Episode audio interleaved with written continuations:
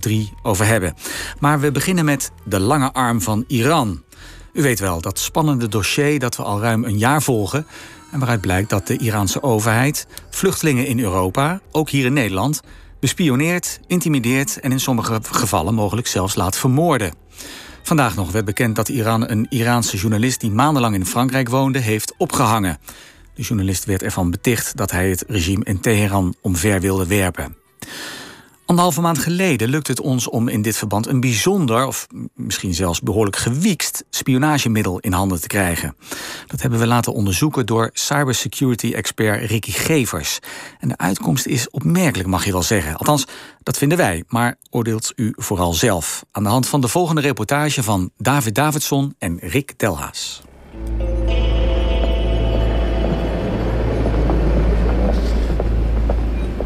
Ik ga even een telefoon ophalen bij Ricky Gevers. En die heeft uh, gekeken wat er op die telefoon staat. Er zat namelijk spyware op. En waarschijnlijk spyware van de Iraanse inlichtingendienst. Hij heeft de telefoon bekeken. En uh, nou, ik ga even die telefoon ophalen. En dan naar de eigenaar terugbrengen. Hier moeten we ergens zijn. Ja. Erik. Hey, goedemorgen. Vierde verdieping. Yes. Dit is de telefoon. Um, wat zeg ik tegen de eigenaar?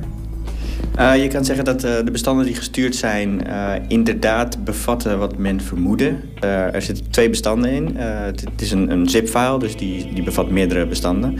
een van die bestanden is een executable file, dus daar wordt waarschijnlijk mee bedoeld dat men daarop klikt en vervolgens zichzelf infecteert. En de andere is een Word-document. En als je dat Word-document opent, dan staat er waarschijnlijk een leuke, interessante tekst in, maar op de achtergrond wordt een malware geïnstalleerd op de computer. Ja, dus dat is eigenlijk heel slim gedaan, want een ja. Word-document, ja, dat vertrouw je wel. Ja, dit is de makkelijkste manier op dit moment om computers of bedrijven of wat dan ook uh, over te nemen. En dit document is ook heel gestructureerd en heel gericht gemaakt. Uh, die moet ik ook nog helemaal ontleden verder hoor. Maar wat ik nu zie is dat hij niet op iedere computer afgaat, maar ook echt specifiek gerichte computers. Uh, dus het is echt een gerichte aanval om het zo te zeggen.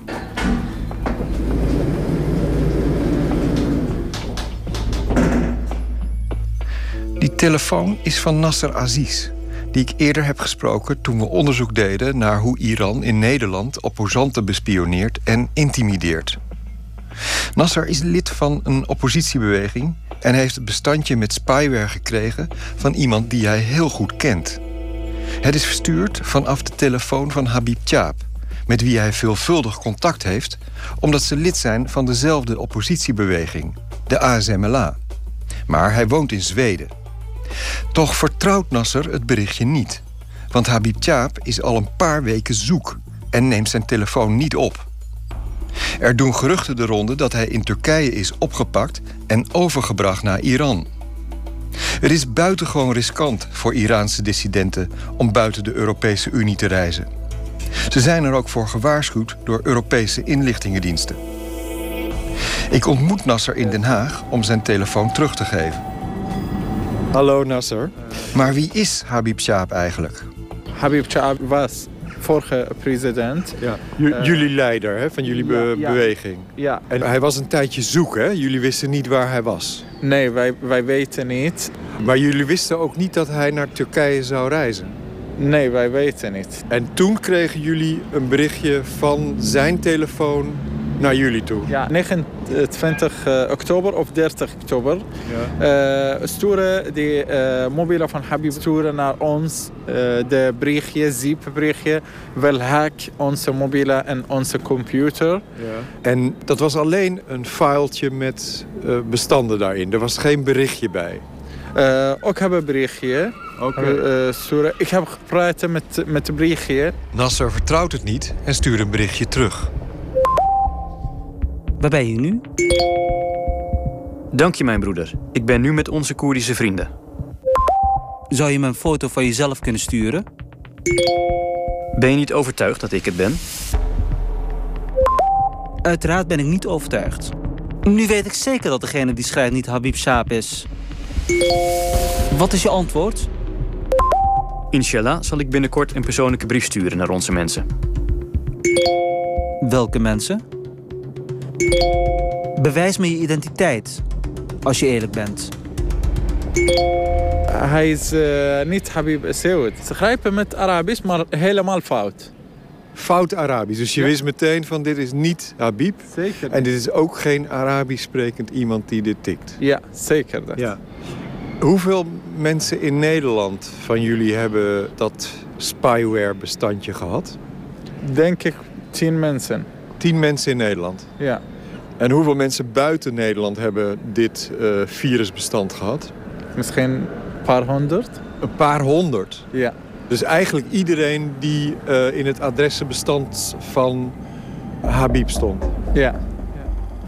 Niemand in de omgeving van Habib Tjaap wist dus dat hij naar Turkije zou reizen. En het is gevaarlijk om naar landen te reizen die nauwe banden met Iran onderhouden. Iran beschouwt de leden van ASMLA als terroristen en er zijn internationale opsporingsbevelen tegen hen. We bellen Filip Rudolfsson, onderzoeksjournalist bij de omroep SVT in Zweden. Hij heeft de ex-vrouw van Habib Tjaap gesproken. Wist zij dat hij naar Turkije zou reizen? No, she didn't know he was traveling to Turkey. She had a Nee, ze wist niet dat hij naar Turkije zou reizen. De avond voor zijn vertrek hebben ze nog samen gegeten en ze wist niets van zijn reis. Ze vertelde me dat hij haar normaal altijd informeerde als hij naar het buitenland ging. En wanneer kwam zijn ex-vrouw erachter dat er iets mis was en dat hij misschien vermist werd? Yeah, she told me that uh, after a couple of days of uh, not Ze vertelde dat ze al een paar dagen niks van hem hoorde en hem een aantal keren probeerde te bereiken. Toen werd ze ongerust. Ze werd ook gebeld door verschillende leden van de ASMLA, die tevergeefs geprobeerd hadden contact op te nemen met Habib Shaab. And um, at first she didn't pay any attention. She Eerst besteedde ze er niet al te veel aandacht aan, omdat ze druk met haar gezin was. Maar toen ze geruchten hoorde dat hij in Turkije was, werd ze heel ongerust. Dat was vier dagen nadat hij vertrokken was. after uh, the trip. Wat hebben ze gedaan toen ze erachter kwamen dat hij in Turkije was en niet op hun berichten reageerden? There are two separate things. ASMA is trying to find out what did in Turkey. Ze hebben twee dingen gedaan. De leden van de ASMLA hebben geprobeerd uit te vinden wat hij precies in Turkije ging doen. En ze hebben contact opgenomen met de Zweedse autoriteiten. Wat zegt het Zweedse ministerie van Buitenlandse Zaken over de kwestie? you know the silent diplomacy and stuff like that they don't really want to uh, say much at all but uh, they Ze zijn nog bezig met stille diplomatie, dus ze willen niet veel zeggen. Maar ze hebben bevestigd dat Turkije en Iran betrokken zijn bij deze zaak. And it's in uh, and also Iran En hebben ze bevestigd dat hij nu in Iran wordt vastgehouden? yeah the, uh, the Swedish authorities has confirmed that he is in Iran and they are trying to Ja, ze hebben bevestigd dat hij in Iran is en ze proberen consulaire bijstand te verlenen. they have uh, security police with them 24/7 now Het gezin in Zweden krijgt 24 uur bewaking van de veiligheidspolitie en is in een safehouse in een andere stad ondergebracht. Het Zweedse ministerie van Buitenlandse Zaken laat Argos weten ongerust te zijn over het lot van hun staatsburger.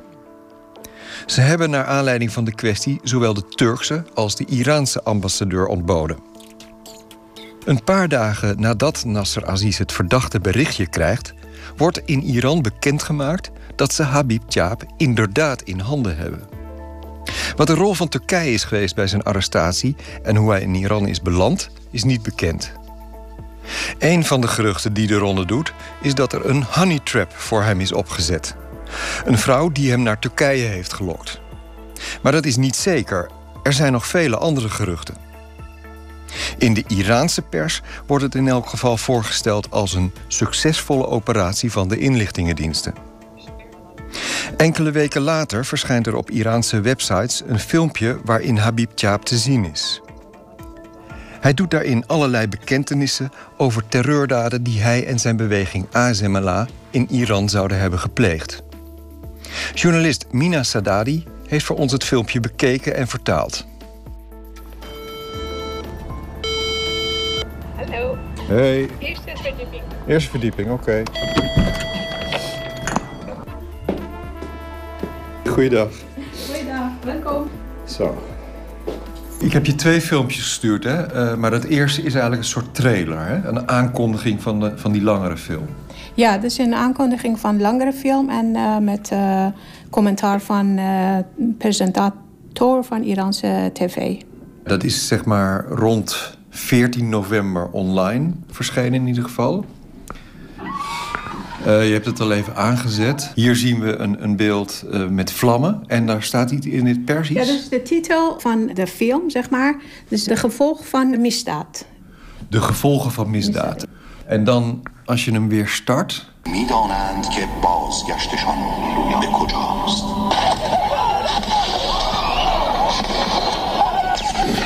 Nou, deze beelden herken ik. Dit is uh, de aanval op de militaire parade van ja. Uh, 22 september 2018. Ja. En zij worden ook beschuldigd door Iran dat zij achter deze aanslag zitten. Hè? Ja, klopt. Verschillende militaire groeperingen in Iran zeggen ze dat uh, deze groep zit achter die aanslag. En dat was voor hun een uh, enorme klap. Als we dan even teruggaan. Mm -hmm. Want dan zien we dus die beelden van die aanslag. Mm -hmm. En dan komt Habib Tjaap in beeld. Ja. En die is geblinddoekt. Ja. Uh, meestal uh, John Cena zegt dat hij wel uh, aangepakt is. En uh, hij neemt de blinddoek weg. Dus dat betekent dat hij wel begint met zogenaamde verhaal vertellen wat hij allemaal gedaan ja. heeft. Kunnen we dit heel even terugdraaien? Want het is een toch wel redelijk dramatische scène. Hij Ja. zet hij zet, doet die blinddoek zelf af. Hij is niet geboeid. Ja. Maar hij slaakt ook een hele diepe zucht. Ja.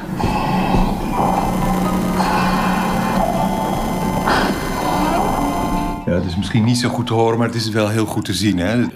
Hij heeft het niet prettig hier. Niet prettig en dat is heel theatraal wat je ziet hier. Dat je hier wel eh, heel langzaam eh, de blinddoek afdoet. Eh, iedereen die wel eh, gearresteerd wordt, wordt na een paar dagen wel voor de camera gezet om zogenaamde verhaal vertellen. En eh, dat is een bekende tactiek van de Iraanse overheid. Dit is allemaal geregisseerd. Dit Ja. is in scène gezet. Ja, klopt. Wat is er in die tussentijd gebeurd met die eh, meneer, met deze meneer Habib Tjaap... eh, tussen het moment dat hij is opgepakt en dat hij hier voor de camera is verschenen?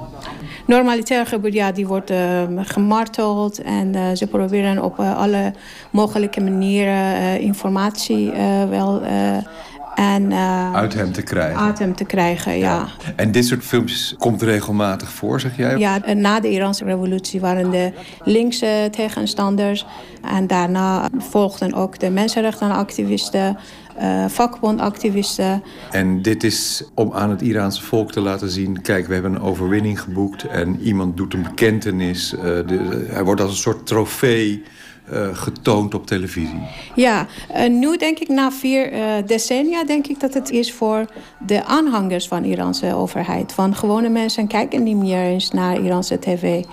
Wat de Iraanse overheid of Iraanse televisie gebruikt in deze scène is dat hij hem laat zeggen dat hij ook een rol heeft tijdens die opstand vorig jaar.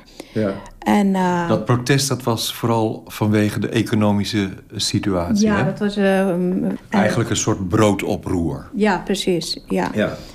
En ze willen zeggen dat niet Iraanse militairen, maar die groepering verantwoordelijk is geweest voor eh, op mensen te schieten. ja, dus zij willen eigenlijk een aantal zaken die de, de Republikeinse Garde heeft gedaan... in de schoenen schuiven van deze groepering, de ASMLA. Ja, ja precies.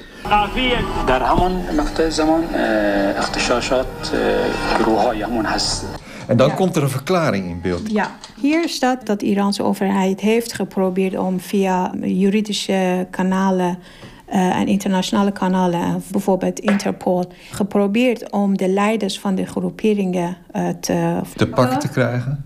Zijn eh, de operatie van die groepering nog steeds gaande in Iran. En eh, er zijn ook eh, de soldaten van Imam Zaman. Dus niemand weet wie ze zijn eigenlijk. Ze hebben dus via legale weg geprobeerd deze mensen Ja. te pakken.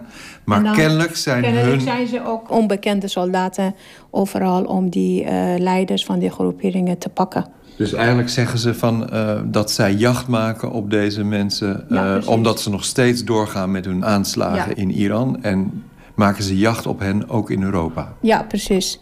En uh, het moment dat uh, de woord soldaten van imam ge gebruikt wordt, uh, wordt eigenlijk gezegd dat zij moeilijk te traceren zijn. Dus, en dat is een term die je gebruikt voor mensen die werken voor inlichtingendiensten? Ja, ja. Dat Iran dissidenten in de diaspora bespioneert, intimideert en in enkele gevallen zelfs ontvoert of laat liquideren, is genoegzaam bekend. In november 2017 werd Ahmad Mollanissi voor zijn huis in Den Haag doodgeschoten. Volgens de AIVD zijn er sterke aanwijzingen dat Iran daarachter zit. Mollanissi was voorman van de ASMLA, een partij van een Arabische minderheid die zich wil afscheiden van Iran. Iran probeert dit soort tegenstanders voortdurend in de gaten te houden. Ook in het buitenland en ook via elektronische weg. Dat is een goedkope en makkelijke manier om dissidenten te bespioneren. Een onafhankelijke mensenrechtenorganisatie in Amerika, MIAN, deed onderzoek naar het gebruik van spyware door Iran. Soortgelijke spyware die wij in handen hebben gekregen. Een paar maanden geleden brachten ze een rapport uit over de Iraanse cyberspionage tegen dissidenten. Amir Rashidi. Wat wil de Iraanse inlichtingendienst precies met die spyware? Well, these malwares, I would say we, we should we, we can categorize them on on spyware actually, because dit is echte spyware. Zowel met de versies van Android als Windows kunnen de gebruikers worden bespioneerd. Je zou kunnen zeggen dat als je geïnfecteerd bent, dat je een spion in je broekzak hebt. En waar je ook gaat, kunnen ze bijvoorbeeld gesprekken afluisteren.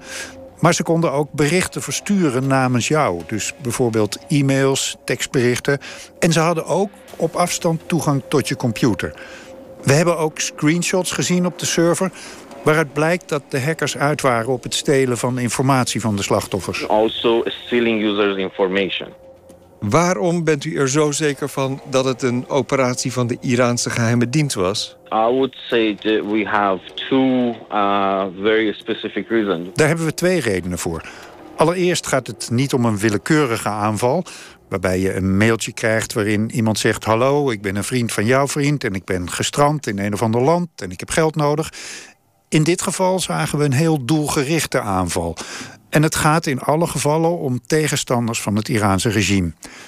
Wie is daar nu in deze mensen geïnteresseerd? Dat kan alleen maar een statelijke partij zijn. The second reason is we found on hacker servers a couple of information, like for example, a copy of uh, another malware. De tweede reden is dat we op de server die de hackers gebruikten bepaalde informatie hebben gevonden. Bijvoorbeeld een kopie van andere malware en door het spoor te volgen konden we erachter komen dat het ontworpen was door een groep hackers in de Iraanse stad Mashdad. When you put together all of these evidences, you have only one answer, which is this, is, this was a state attack. Als je alles bij elkaar optelt, kun je maar tot één conclusie komen. Namelijk dat het om een aanval van een staat ging en dat ze achter de Iraanse oppositie of mensenrechtenactivisten aangingen buiten Iran.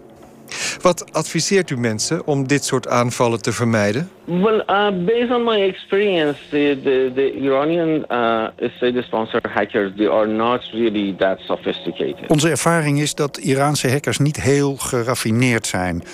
Eigenlijk zijn ze best makkelijk om te ontdekken.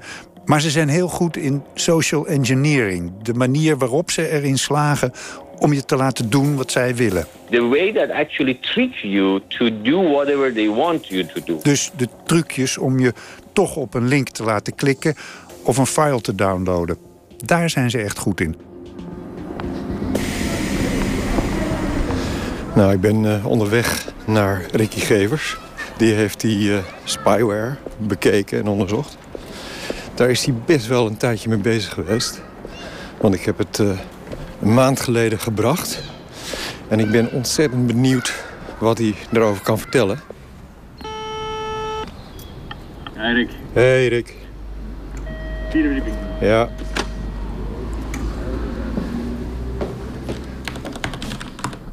Nou, we zitten inmiddels achter de computer. Ik zie een uh, scherm met allemaal code.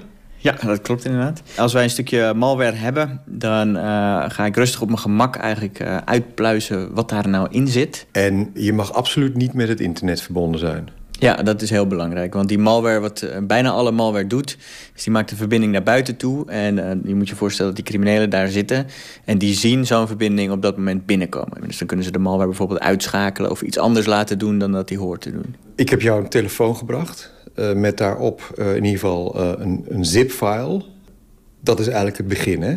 Wat, wat, zat er precies in die zip-file? Ja, dat is correct. die zip-file die is verstuurd via Telegram.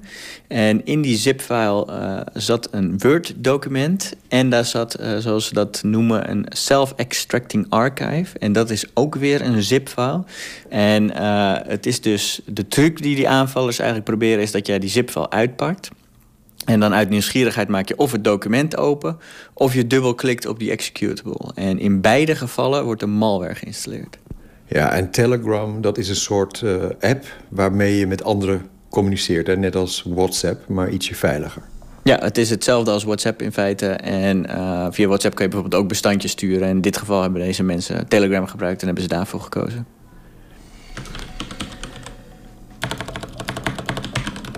Er zijn een aantal tools en daarmee kan je uh, al die informatie uit zo'n Word-document halen. Een van de dingen die hij hier weergeeft is dat er iets automatisch gestart wordt. En een aantal dingen die erg suspicious zijn. Dus er wordt iets geopend, er wordt iets afgesloten, er wordt iets in een shell gedaan en er wordt een directory aangemaakt bijvoorbeeld. Dus dat zijn allemaal indicaties van dat er iets mis is met dit document of, of dat het een verdacht document is. Wat we nu weten is dat er twee routes eigenlijk zijn. Eén is je opent dat zip-bestand en je opent de executable direct. Dan installeer je dus een backdoor. En wat is een backdoor? Uh, de backdoor houdt eigenlijk in, uh, die zorgt er dus voor dat uh, die aanvallers toegang tot de computer houden. Dus je hebt eigenlijk een achterdeurtje waardoor ze ieder moment op die computer kunnen inloggen. Dus um, deze malware die haalt informatie van jouw computer? Ja, het is in feite wat wij dan klassificeren als een information stealer. En dat is dat hij zoveel mogelijk informatie van jouw computer verzamelt... en die uiteindelijk wegstuurt naar de centrale server uh, die daarvoor gebruikt wordt. Een van de dingen die het ook doet is... als jij een e-mailprogramma hebt... dan gaat het kijken naar het adressenbestand in dat e-mailprogramma... en dan gaat dan alle contacten daaruit halen en doorsturen. Dus alle informatie die mogelijk relevant is, die gaat hij verzamelen en wegsturen. Maar nou ja, voor deze zaak zijn zij echt geïnteresseerd in die persoon... en alles en iedereen die ooit contact heeft gehad met die persoon. Dus het is heel doelgericht? Ja, het is, het is echt heel doelgericht. Van we moeten al deze informatie hebben en wel zo snel mogelijk... en we willen niks missen, dus ze plunderen alles. En het bijzondere van, van deze malware, dat was een stukje wat ik niet verwacht had... is dat ze alle, alle versies die wij in ieder geval gezien hebben... die connecten naar dezelfde command-and-control server. En die staat in Nederland. Oh? Ja, dat, is, dat had ik niet verwacht, om eerlijk te zijn. Wat wil dat zeggen, een command-and-control server? Ja, command-and-control staat eigenlijk gewoon voor dat alle commando's... die uh, uitgevoerd worden vanaf die server worden... Uh, naar de klanten of naar de infecties gestuurd worden. Ja, ik ben wel benieuwd waar dat ding staat. Ja, hij staat in Nederland. Uh, ik kan het IP-adres aan je geven en je bent vrij om langs te gaan wat mij betreft. Ja, dat waren we eigenlijk wel van plan.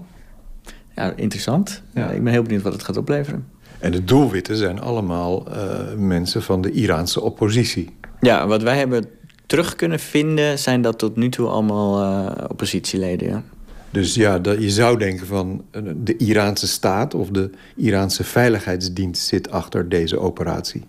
Ja, nou als je alle dingen die gebeurd zijn op een rijtje zet, dan kan je bijna niet anders dan concluderen dat dat hier het geval is. En uh, ook als je overigens, uh, wat ik al zei, hè, van, we hebben informatie dat tot vijf jaar geleden deze versie van die malware gebruikt is. En in al die gevallen uh, heeft het eigenlijk met dissidenten uh, te maken, om het even zo te noemen. Niet zozeer dissidenten hoor, maar uh, mensen waar de Iraanse overheid achteraan zit. En als je kijkt naar ons specifieke geval alleen al, dan is de kans dat een ander land hierachter zit heel klein. En hoe lang is die server hier in Nederland al actief? Dat, daar hebben we de datum van. Wij kunnen keurig zien wanneer die domeinen uh, beginnen voor het eerst daar naartoe te verwijzen. En ik zeg dit even uit mijn hoofd, maar volgens mij was het april dit jaar dat hij voor het eerst aangegaan is. Maar hoe goed is Iran op het gebied van cyberoorlog? En hoe actief zijn ze? Kennelijk bespioneren ze dissidenten in het buitenland, maar Iran wordt zelf ook aangevallen. We vragen het Sikko van der Meer, cybersecurity-expert van instituut Klingendaal. Iran is een zeer actieve speler op het gebied van cyberoorlogvoering. De lijstjes verschillen, maar vaak zie je dat Iran in het top 5 of top 10 van meest actieve agressoren in cyberspace zijn. Dus ze zijn gewoon heel erg ontwikkeld. Ze hebben heel veel geïnvesteerd in cyberspionage, cybersabotage, cyberoorlogvoering. Er is dus sprake van sabotageaanvallen en, en represailles om op een aanval te reageren. Als je het hebt over uh, cyberspionage, waar is Iran dan op uit? Wat willen ze hebben? Wat je bij Iran vooral ziet, is dat ze politieke informatie proberen te stelen. Dus deels weten wat andere landen doen met hun Iran-beleid. Maar ook waar Iran heel actief op is, is de diaspora bespioneren. Met name politieke dissidenten die gevaarlijk kunnen zijn voor Iran. Iran klaagt er vaak over dat het Westen, hè, Verenigde Staten, Europa, allerlei Iraanse vluchtelingen huisvest. Die vervolgens plannen maken en ook uitvoeren om in Iran bijvoorbeeld aanslagen te plegen. En daar niks tegen doet. En Iran heeft dus besloten, nou, dan gaan we zelf ingrijpen. We gaan die lui zelf bespioneren, monitoren en ook hè, ingrijpen af en toe. Hè. Je in Nederland hebt gezien dat ze moordaanslagen plegen op actieve dissidenten. Ja, dat doen ze dus deels onderbouwd met cyberspionage op dit soort groepen. We zijn heel kritisch op Iran, uh, omdat ze dit soort uh, agressie plegen. Uh, wij, het Westen, zal ik maar even zeggen, zijn ook niet echt lievertjes op dit gebied. Het is waar dat Iran niet voor niks met dit soort cyberactiviteiten begonnen is. Het is ook een reactie geweest op dit soort activiteiten van het Westen. te beginnen met Stuxnet, een hele grote cyberaanval. Ja, Iran, het regime uh, wordt van alle kanten aangevallen. Dat is het grote punt van het Iraanse regime. Ze zijn uit op machtsbehoud. En ze zien dat ze vanuit alle kanten voortdurend worden aangevallen. Ook op digitaal vlak. Dan is het logisch dat ze, om zich daartegen te verweren... zelf ook die capaciteiten opbouwen... en dat soort activiteiten gaan uitvoeren. En ja, soms is het dan een beetje meten met, met twee maten... dat Iran dat niet zou mogen en de Verenigde Staten wel bijvoorbeeld. Ja, uh, is natuurlijk toch de vraag... hoe goed is Iran? Of is ze eigenlijk geen partij voor het Westen en de programmeurs van Israël en de VS? Ik denk dat puur technologisch bezien Iran een stuk zwakker is in cyberoorlogvoering dan de grootmachten à la VS, China, eh, Rusland, maar ook Nederland, bijvoorbeeld Groot-Brittannië, zijn echt sterker. Maar in het cyberdomein maakt dat niet enorm veel uit. Ook al ben je iets zwakker, dan nog vind je altijd gaten in de verdediging van de ander. En dat is het mooie van cyberwapens eigenlijk. Hè. Het is redelijk goedkoop. Je komt er makkelijk mee weg. Je kunt altijd ontkennen. En het is wel effectief. Ook die wat minder technologisch uh, ja, hoogstaande cyberwapens werken wel. En daarom is Iran toch een grote speler. Omdat ze weliswaar niet technologisch voorop lopen... maar wel er heel veel energie in stoppen om dit soort activiteiten uit te voeren. Ricky Gevers heeft voor ons uitgezocht waar de server staat... waarop de Iraanse spyware draait. Zo, dag Ricky, daar zijn we. We zijn in Haarlem, bedrijventerrein Waarderpolder. We lopen hier langs een hek. En achter het hek een groot uh, bedrijfspand, zo te zien. En op het bedrijfspand staat Iron Mountain. Het is echt een typische uh, blokkendoos. Iron Mountain is een datacentrum. En in dit datacentrum, daar draait als het goed is de server die wij op het spoor zijn gekomen. En waar de mogelijk wel de Iraanse geheime dienst dus gebruik van maakt. Uh, ja, uh, ik heb gekeken dus naar de malware die via Telegram verstuurd is. En als je die malware goed gaat bekijken, dan zie je dat die malware uiteindelijk verbinding maakt met de servers die hier staan. Oké, okay, en hoe weten wij dat dan zo zeker? Uh, je kan dus gaan kijken naar hoe die uh, malware werkt. En daar zitten een aantal functies in. En eentje daarvan is wat ze noemen een domain generation algorithm. die genereert een domein. Uh, dat domein wordt dan geregistreerd door de aanvallers en uh, verwijst vervolgens naar een IP-adres. En dat IP-adres bevindt zich fysiek hier zo, in dit datacentrum. En als je kijkt naar de nieuwe domeinen die daar geregistreerd worden... dan hebben ze allemaal eenzelfde pagina. En die pagina verwijst naar MonsterMeg. Dus het is aannemelijk om te denken dat MonsterMeg het centrale hostingbedrijfje is... die al deze domeinen en IP-adressen uh, voorziet in de hosting.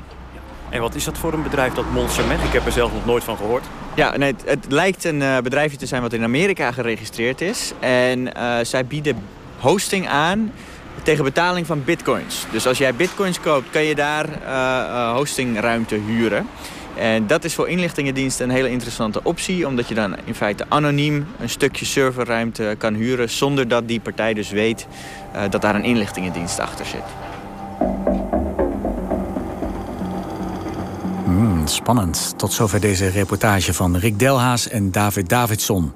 Techniek Alfred Koster, eindredactie Harry Lensink. En met speciale dank aan Abdo Boezedar, Roesbeko Boli en Jacco Versluis.